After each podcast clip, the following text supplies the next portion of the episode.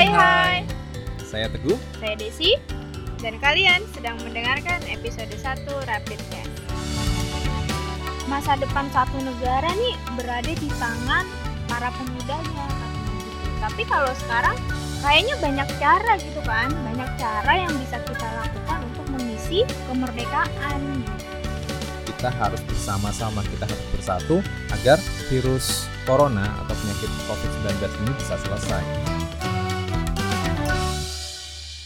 Senang sekali Rapidcast bisa hadir di tengah-tengah kita semua.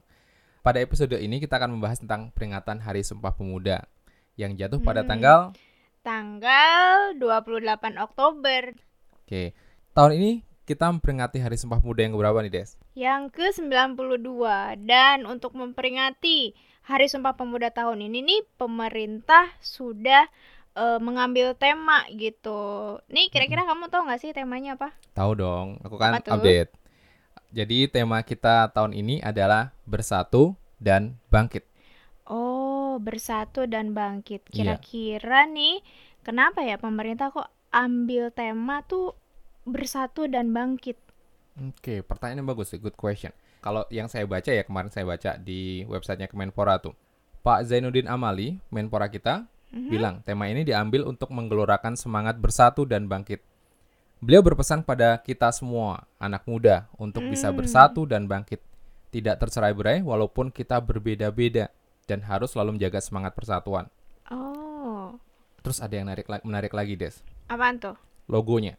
Lo oh iya, pernah lihat logo. Kayaknya udah ada di Instagram kita juga ya. kita benar udah sekali. posting Kita udah gitu posting ya. Instagram kita juga.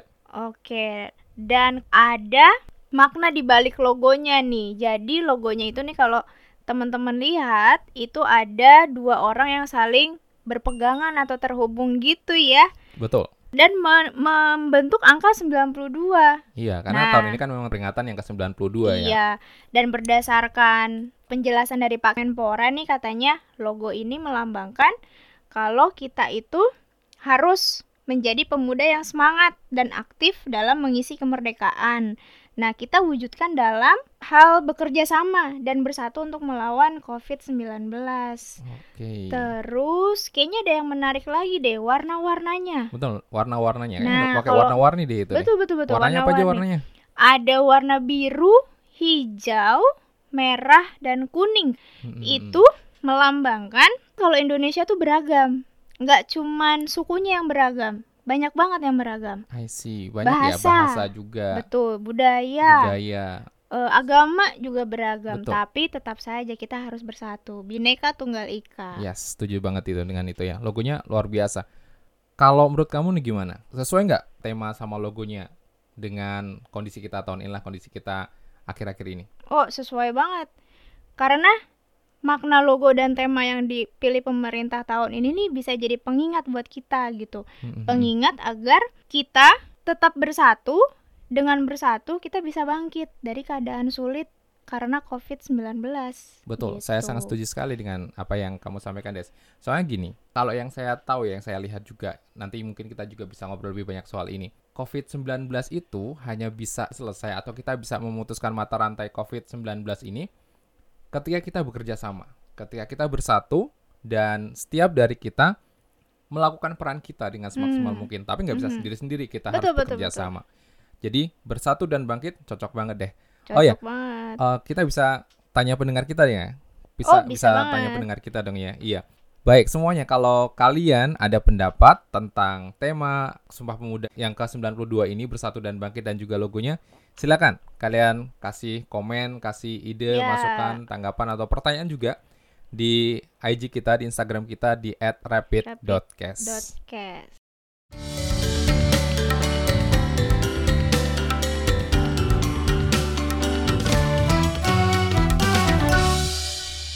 Ngomong-ngomong soal peran nih gue Dulu tuh sering gak sih kita denger cara mengisi kemerdekaan yang terbaik itu dengan cara belajar Ya kan? Oh, betul, Dari betul. guru IPS Iya, atau guru guru PKN. PKN, ya Hmm. kan? Karena masa depan satu negara nih berada di tangan para pemudanya katanya gitu. Tapi kalau sekarang kayaknya banyak cara gitu kan banyak cara yang bisa kita lakukan untuk mengisi kemerdekaan gitu Oke, setuju banget, setuju banget dengan itu banyak cara, banyak banget cara yang bisa kita lakukan sebenarnya. Macam-macam sih, misalnya kalau tadi katanya bilangnya belajar, kita Mm-mm. bisa mengisi kemerdekaan dengan kalau sekarang banyak sekali. Mm-mm. Salah satu yang paling relevan karena sekarang kita ada di masa pandemi, kita sedang menghadapi masalah penyebaran penyakit COVID-19 ini, ya salah satu cara yang bisa kita lakukan adalah kita berkontribusi agar kita bisa melakukan peran kita dalam memutus mata Iya. rantai penyebaran virus COVID-19 ini, Mm-mm, ya kan? iya Dan tadi kan saya udah bilang juga bahwa kita nggak bisa kerja sendiri. Kita harus bersama-sama, kita harus bersatu agar virus corona atau penyakit COVID-19 ini bisa selesai.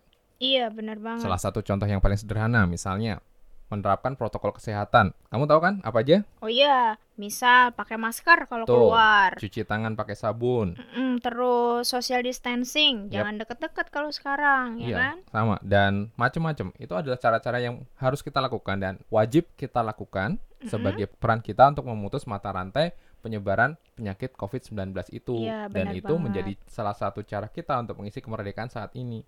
Mm-mm. Dan yang jelas, walaupun kita sudah tahu, itu nggak cukup, Des. Kita harus bisa mengaplikasikannya dan juga harus melakukannya secara konsisten dalam kehidupan kita sehari-hari. Oh iya, konsisten. Benar Mm-mm. banget. Kalau kita nggak konsisten nih, bisa jadi apa yang sudah kita lakukan itu akan sia-sia, Bener, ya kan? ambiar semuanya. Iya.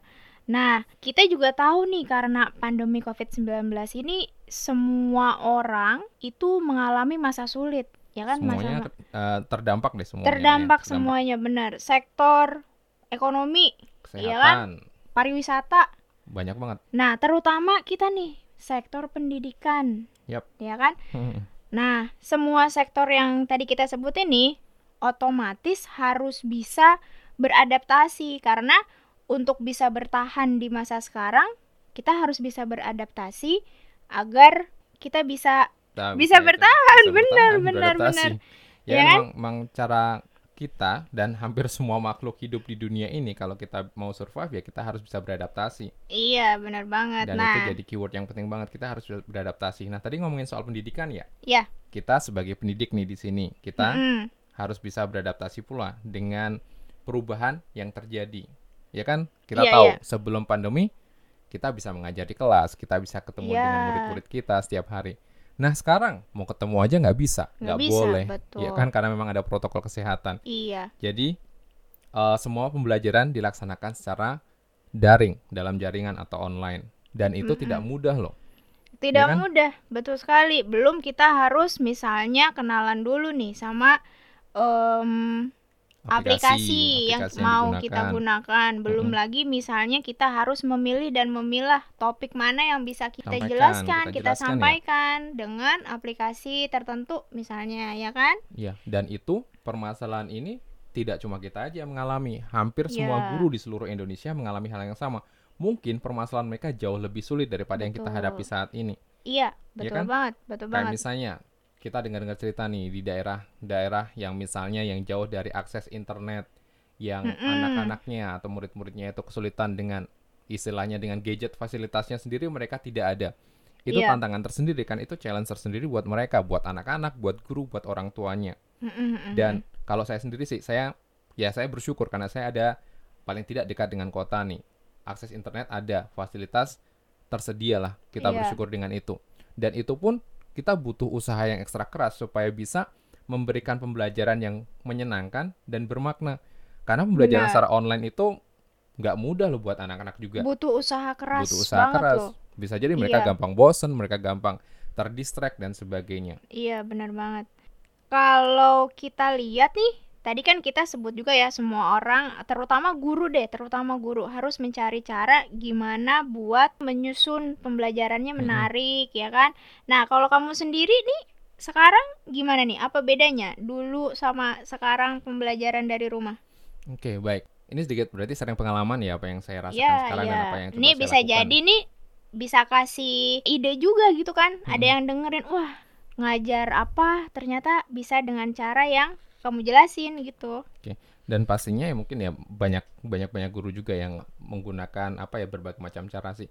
Saya sendiri sih berusaha yang paling tidak ketika menghadapi situasi ini saya mencoba untuk melihat apa yang bisa saya lakukan, challenge apa yang saya hadapi dan bagaimana cara saya untuk bisa paling tidak menyesuaikan diri dengan situasi seperti ini. Pembelajaran harus tetap berjalan dengan baik, Mm-mm. harus bisa menyenangkan dan juga Mm-mm. bermakna buat anak-anak saya.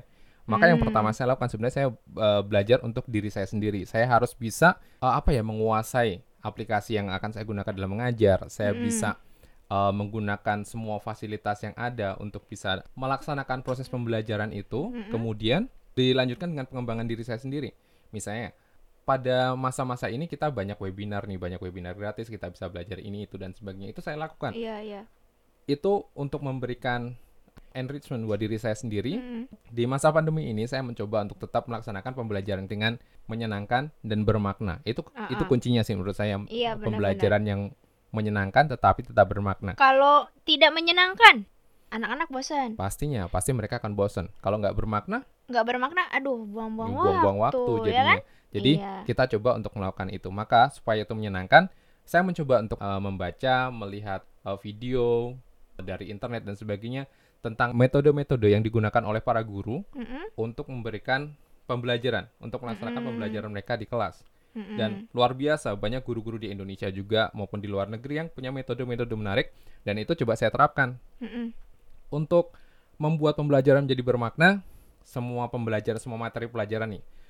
Kalau dulu materinya banyak, Mm-mm. materinya banyak selama satu tahun kita bisa paling nggak mengcover materi itu kontennya. Tapi kalau sekarang kita harus mencoba untuk menyederhanakannya dan membuat agar materi yang kita sampaikan itu bisa diaplikasikan dalam kehidupan sehari-hari.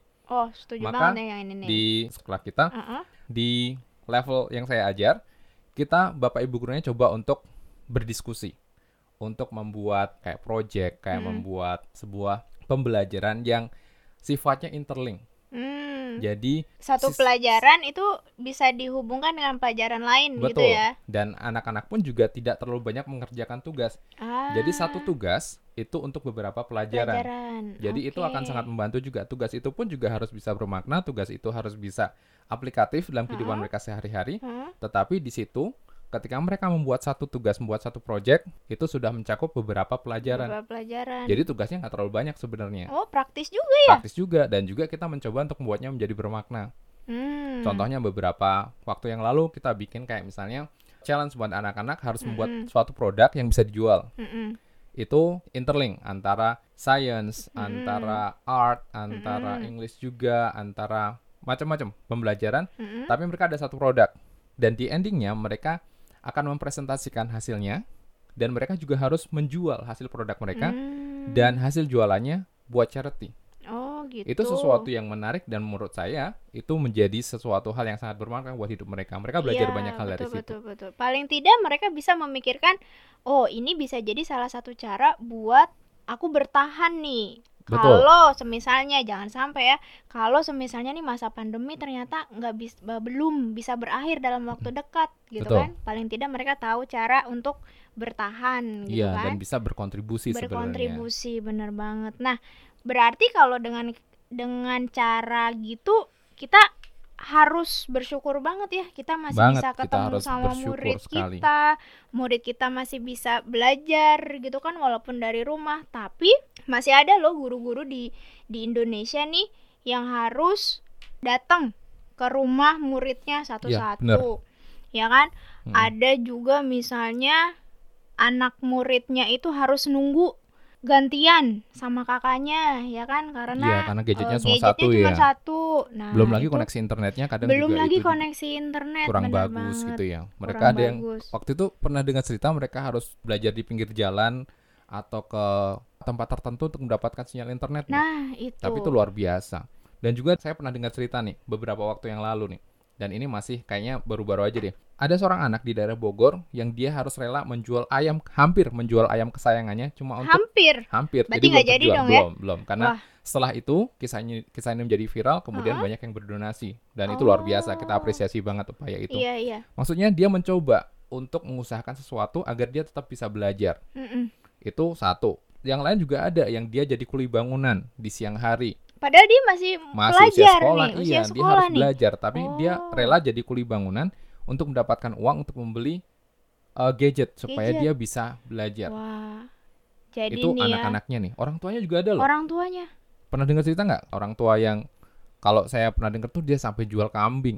jual kambing Iya, biar anaknya tetap bisa biar belajar. anaknya bisa tetap bisa Wah, belajar. usahanya luar biasa sekali ya. Mm-mm. Jadi buat nih ya, buat teman-teman, buat Bapak Ibu yang mendengar cerita kita nih hari Ya. ini nih, yuk coba kita lihat apa yang bisa kita lakukan nih untuk tetap Tetap untuk bersemangat, tetap bersemangat. pastinya. Intinya Tetap gitu ya. optimis. Tetap optimis. Fasilitas oke ya kan? Oh, internet nggak putus-putus Iya. ada gitu kan cobalah digunakan dengan sebaik-baiknya gitu kan ini juga buat reminder buat kita ya. Istilahnya Iya, kita yang ada di daerah perkotaan yang mempunyai akses internet lebih baik ada fasilitas yang ya cukup tersedia lah tersedia walaupun mungkin tidak semuanya punya eh, yang bagus misalnya. Tapi ini memberikan kita paling tidak peluang untuk bisa berkontribusi lebih atau bisa Mm-mm. memberikan lebih dalam proses pembelajarannya. Iya benar banget setuju. Iya kan? Seperti itu.